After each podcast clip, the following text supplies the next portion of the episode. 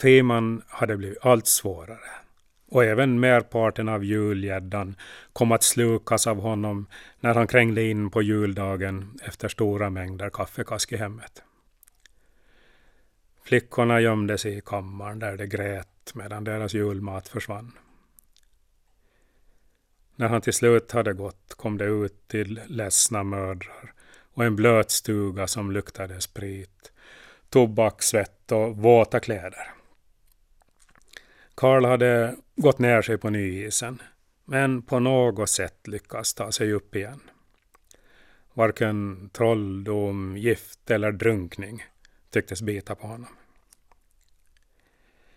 Alla årets helger och festligheter hade blivit till sorgedagar för bågskärarna. Ty då firade Friman med sprit och när han fått tillräckligt i sig var hans motto Ungt kvinnfolk, inga gammalt. Och då ställdes vanligen kursen mot bogskär, oberoende av väder eller klockslag. Han kom full och i mörker, över isar, råkar eller vreda vågor. Men Ran tycktes inte vilja ha honom. När det nya året 1914 gick in fick faktiskt Bogskärsbarnen fira kvällen ostörda med sina mödrar. Men barnen satt bara tysta i väntan på att den hemska gubben skulle stövla in och göra mödrarna ledsna. Men under de följande veckorna var han svår och Ida började alltför väl känna igen tonfallet i hans tal när hans vänskap med Helga växte sig allt varmare och intensivare. Han eh, tycktes söka sig en ny svärtesunge när Alina började synas honom aningen tantig. Den 19 januari, när isen låg fast och kölden var sträng, vandrade Ida in till Djurvik och upp till Västerlundstorp.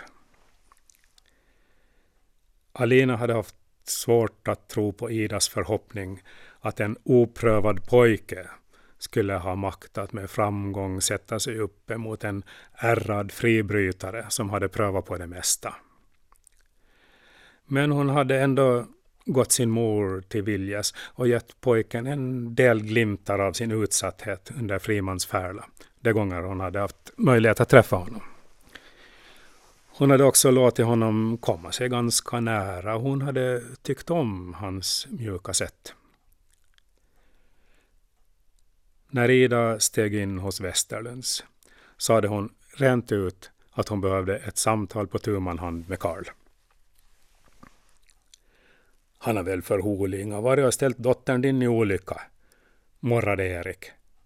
Men han blev lugnad när Ida kunde försäkra att sonen varit exemplarisk och att hon bara ville diskutera en privat angelägenhet med honom. Föräldrarna kände till sonens vurm för Alina och förstod att modern kunde behöva ge en ivrig friare några förhållningsregler. De sökte sig till utomhussysslor och när Kristina passerade Ida viskade hon Jaga bort han från holmen du bara. Härja upp ordentligt så lyder han nog. Hon höll inte den illa beryktade bogfärsdottern för något acceptabelt parti. Det har väl inga hänt Alina någonting? frågade Karl som genast hade märkt på Ida att det gällde något särskilt idag. Nej, inga ännu. Men Friman har varit sjövild och hotat henne till livet. Jag är rädd. Idag är han i stan och kommer säkert hem full. Och då kommer han över till vårat och jag fruktar för våra liv. Särskilt för Alinas. Pojken bleknade. Hon får inga dö. Ida höll tacksamt med. Nej, Alina är ju det finaste vi har. Före den där fan tog henne var hon ljus och livad som blänk i vattnet. Du och jag får inga låta Frimans regemente föra henne ända till graven. Livet och kärleken väntar ju ännu på henne. Hon får inga ta henne. Vi bussar länsman på honom. Ja, sånt tar tid och kräver bevis och utredningar. Det här gäller ikväll. Ja, vi frågar min pappa. Han är inga rädd. Ett barn, tänkte Ida.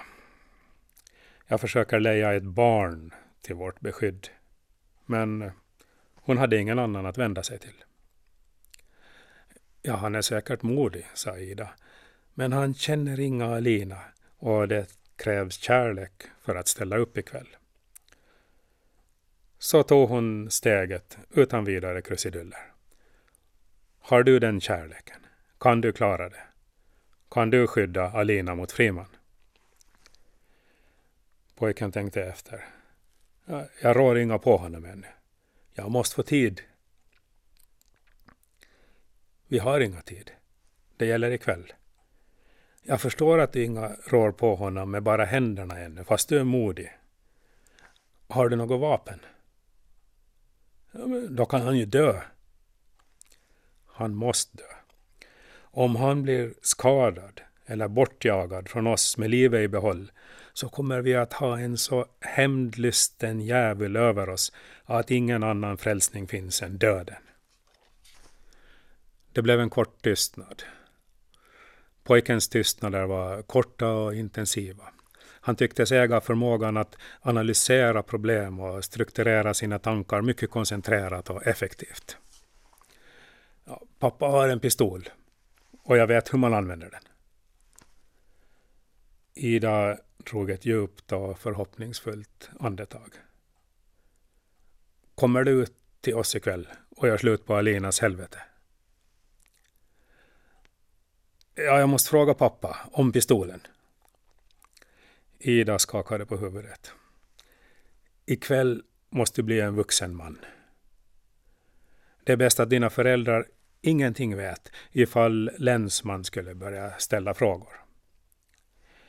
När du har skaffat bort Friman är du en vuxen man med alla rättigheter som en sådan har.